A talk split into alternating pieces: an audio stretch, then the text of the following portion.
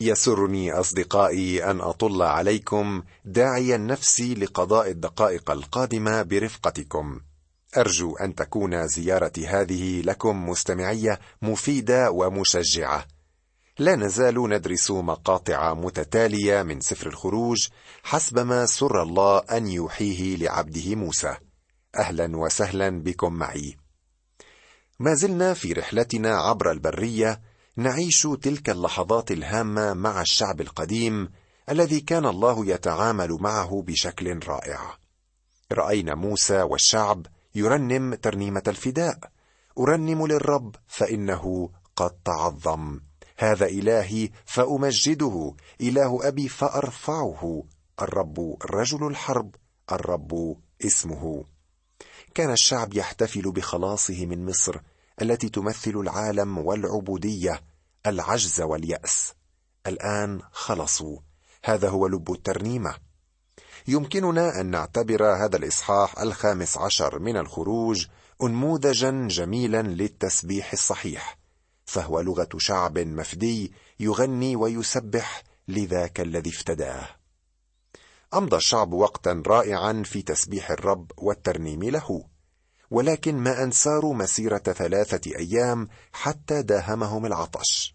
كانت مصر أرض شبع ووفرة في الطعام والمياه. أما الآن فيجد الناس أنفسهم في ظروف مغايرة بدون ماء. ذهبت أبار مصر ولم يستطيعوا أن يجدوا ينابيع الماء الحي. تحولت أصوات تسبيح الشعب إلى أنين ماذا نشرب؟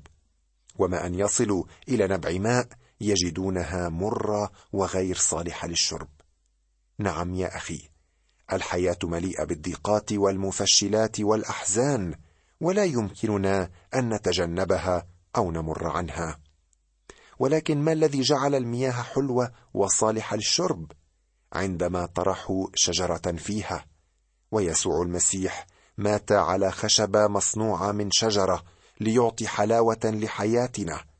نعم صليب المسيح هو الذي يحل نبع ماره في حياتنا ويجعلنا نحتمل. وبعد المرار جاء الله بالشعب إلى إيليم وهكذا نجد الرب في نعمته يقدم لشعبه وهو سائر في البرية المراعي الخضراء ومياه الراحة.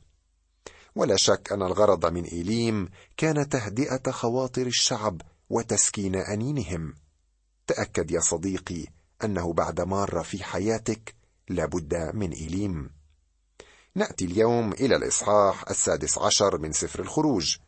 في الواقع يوجد سبعة اختبارات مر بها الشعب تصور لنا الحياة المسيحية.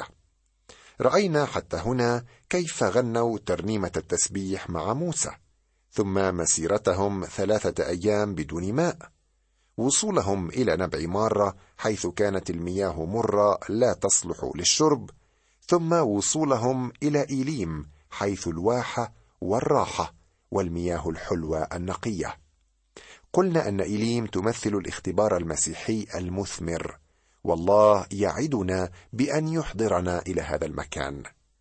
نأتي الآن إلى برية سين التي هي بين إيليم وسيناء وإلى المن والسلوى. وسنجد فعلا في دراستنا أن المسيح هو خبز الحياة. نقرأ من هذا الأصحاح السادس عشر بعض الأعداد بدءا من العدد الأول وحتى الثاني عشر. ثم ارتحلوا من إيليم وأتى كل جماعة بني إسرائيل إلى برية سين التي بين إيليم وسيناء في اليوم الخامس عشر من الشهر الثاني بعد خروجهم من أرض مصر. فتذمر كل جماعة بني إسرائيل على موسى وهارون في البرية وقال لهما بنو إسرائيل ليتنا متنا بيد الرب في أرض مصر إذ كنا جالسين عند قدور اللحم نأكل خبزا للشبع. فإنكما أخرجتمانا إلى هذا القفر لكي تميتا كل هذا الجمهور بالجوع.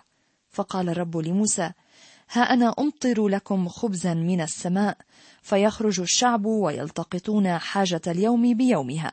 لكي يمتحنهم أيسلكون في ناموس أم لا؟ ويكون في اليوم السادس أنهم يهيئون ما يجيئون به فيكون ضعف ما يلتقطونه يوما فيوما. فقال موسى وهارون لجميع بني إسرائيل في المساء تعلمون أن الرب أخرجكم من أرض مصر وفي الصباح ترون مجد الرب لاستماعه تذمركم على الرب. وأما نحن فماذا حتى تتذمروا علينا؟ وقال موسى ذلك بأن الرب يعطيكم في المساء لحما لتأكلوا وفي الصباح خبزا لتشبعوا لاستماع الرب تذمركم الذي تتذمرون عليه. وأما نحن فماذا؟ ليس علينا تذمركم بل على الرب. وقال موسى لهارون قل لكل جماعة بني إسرائيل اقتربوا إلى أمام الرب لأنه قد سمع تذمركم.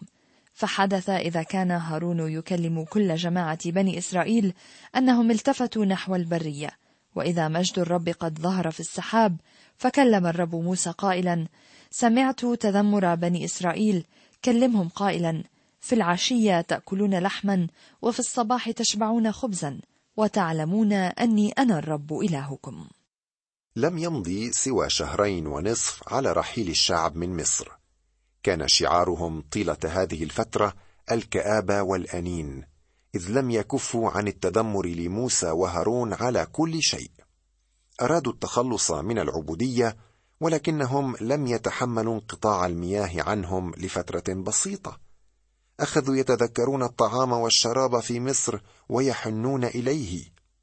كم من الناس المخلصين اليوم يشتقون إلى عالم الخطية الذي أخرجهم الرب منه. ألا تواجهنا هذه التجربة يا صديقي؟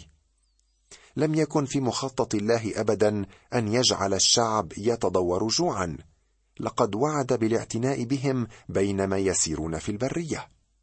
فقال موسى وهارون لجميع بني إسرائيل في المساء تعلمون أن الرب أخرجكم من أرض مصر وفي الصباح ترون مجد الرب لاستماعه تذمركم على الرب وأما نحن فماذا حتى تتذمروا علينا؟ أخذ موسى وهارون يسألون الشعب لماذا تتذمرون علينا؟ نحن مجرد بشر لا حيلة لنا. لقد سمع الله تأوهاتكم وسترون حتما مجده. في كل مرة تذمر الشعب كان مجد الله يظهر. هذا يثبت أن الله لا يحب التذمر والشكوى. صديقي هل أنت دائم الشكوى والتذمر من حياتك؟ هل تشكو من ظروفك من كنيستك من المسيحيين من حولك؟ احترس من هذه العادة السيئة فالله لا يحب التذمر. في العشية تأكلون لحما وفي الصباح تشبعون خبزا وتعلمون إني أنا الرب إلهكم. لم يعط الله الشعب المن فحسب بل وطيور السلوى أيضا. أتخيل أن الطعام كان شهيا وقتئذ. نواصل قراءتنا من العدد الثالث عشر وحتى الحادي والعشرين من الأصحاح السادس عشر.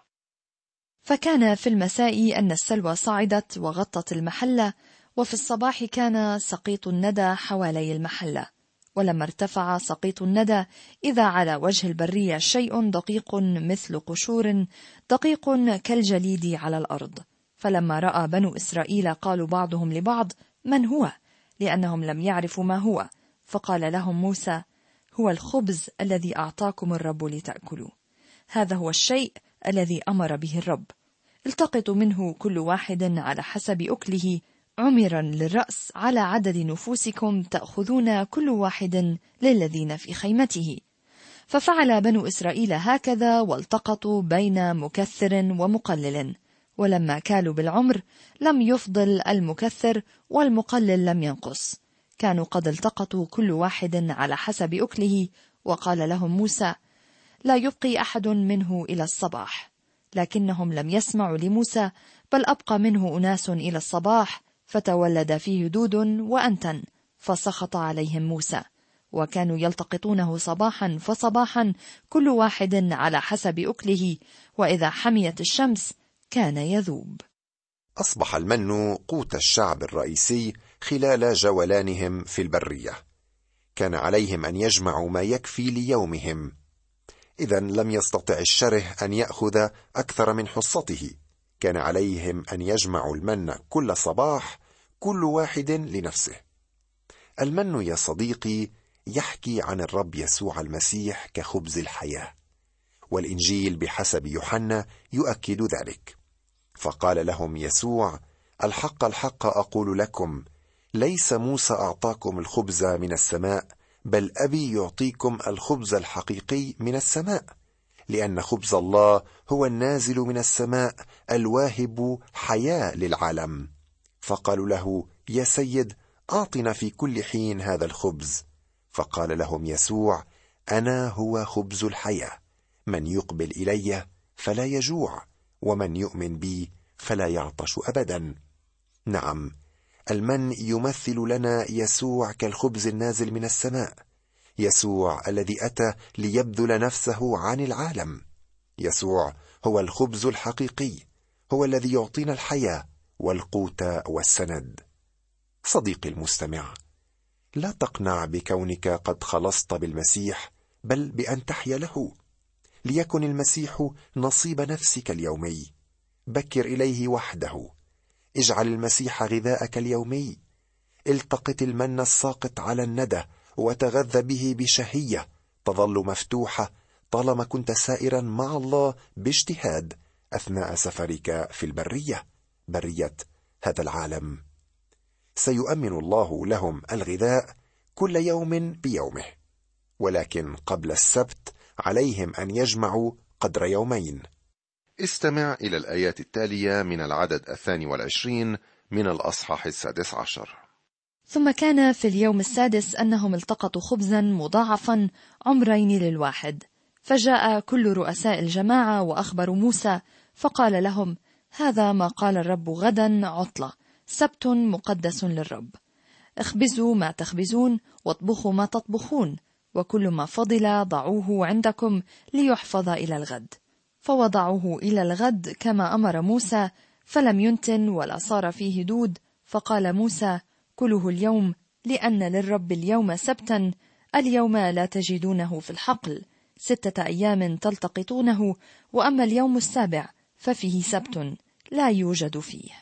تصور أن هذا المن كان يحتوي على جميع العناصر الغذائية اللازمه لجسم الإنسان. كان غذاءهم الوحيد ومع ذلك لم يحتاجوا أي شيء معه. حتى أن أقدامهم لم تتورم من كثرة المشي. كما نقرأ في سفر التثنية بسبب الغذاء الجيد لأن ورم القدمين يأتي عادة من غذاء سيء نتناوله. كان المن هو كل ما يحتاجونه. من الملاحظ أن فريضة السبت أعطيت للشعب قبل إعطاء الناموس الذي سنتحدث عنه في حلقات مقبلة. أرجو يا ميسون أن تقرأ لنا الآن الفقرة الأخيرة من الأصحاح السادس عشر بدءا من العدد الحادي والثلاثين. ودعا بيت إسرائيل اسمه منا وهو كبزر الكزبرة أبيض وطعمه كرقاق بعسل. وقال موسى هذا هو الشيء الذي أمر به الرب ملء العمر منه يكون للحفظ في أجيالكم. لكي يروا الخبز الذي أطعمتكم في البرية حين أخرجتكم من أرض مصر. وقال موسى لهارون خذ قسطا واحدا واجعل فيه ملء العمر منا وضعه أمام الرب للحفظ في أجيالكم. كما أمر الرب موسى وضعه هارون أمام الشهادة للحفظ. وأكل بنو إسرائيل المن أربعين سنة حتى جاءوا إلى أرض عامرة. أكلوا المن حتى جاءوا إلى طرف أرض كنعان وأما العمر فهو عشر الإيفاء. كيف يمكنك أن تصف المن يا صديقي؟ لا يمكننا أن نصفه بدقة. يقول الكتاب عنه أنه أبيض كبزر الكزبرة وطعمه كرقاق العسل. كان غذاء هائلا غنيا. وبالرغم من كل هذا ابتدأ الشعب يتذمر من جديد. يخبرنا سفر العدد عن حادثه تساعدنا على فهم ماهية المن. يقول العددان الخامس والسادس من الإصحاح الحادي عشر من العدد واللفيف الذي في وسطهم اشتهى شهوة. فعاد بنو إسرائيل أيضا وبكوا وقالوا من يطعمنا لحما؟ قد تذكرنا السمك الذي كنا نأكله في مصر مجانا والقثاء والبطيخ والكراث والبصل والثوم. هذا ما اشتهته الجموع في البرية. هل تتصور يا صديقي؟ البصل والثوم.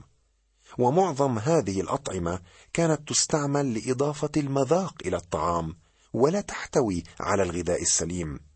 وصدقني يا أخي عندما تأكل مثل هذه الأطعمة لن تكون جذابا ابدا. يقولون تفاحة واحدة في اليوم تبقي الطبيب بعيدا عنك. وأنا أقول لك بصلة واحدة في اليوم تبقي كل الناس بعيدين عنك.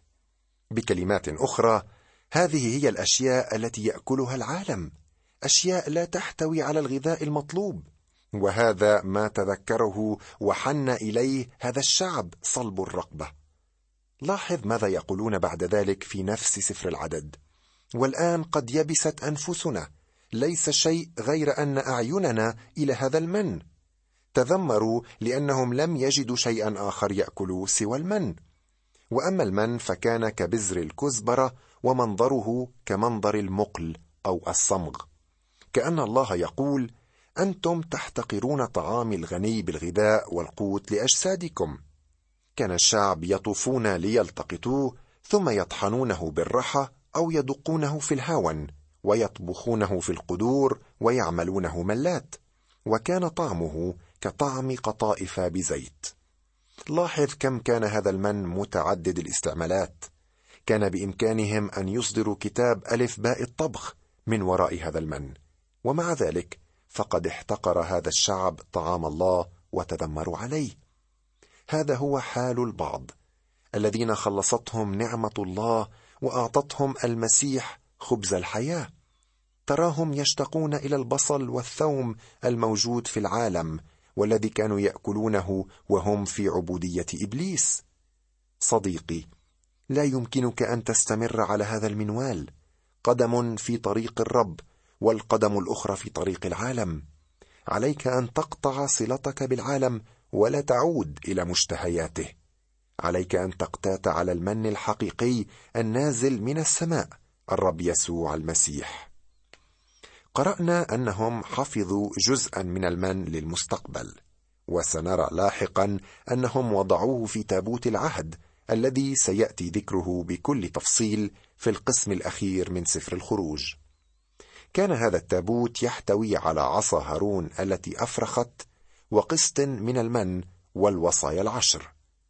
الوصايا العشر تحكي عن إكمال المسيح للشريعة وحفظه إياها بالكامل والمن يحكي عن موت المسيح لأجلنا. أما عصا هارون التي أفرخت فتحكي عن قيامة المسيح. لقد أكل الشعب المن في البرية لمدة أربعين سنة بمقدار يومي محدد. عندما دخلوا أرض الموعد توقف المن عن النزول وبدأوا يأكلون من محاصيل الأرض. ثم تذمروا على هذه المحاصيل وعادوا يشتهون المن الذي أكلوه في البرية. صديقي إذا كنت لم تذق طعم المن بعد فأقترح عليك أن تأتي إلى المسيح حالا وتتذوقه. ينصحنا صاحب المزامير ويقول ذوقوا وانظروا ما أطيب الرب. طوبى للرجل المتوكل عليه. أما يسوع فقد قال أنا هو الخبز الحي الذي نزل من السماء. إن أكل أحد من هذا الخبز يحيا إلى الأبد والخبز الذي أنا أعطي هو جسدي الذي أبذله من أجل حياة العالم. فهل تأتي وتأكل وتشبع؟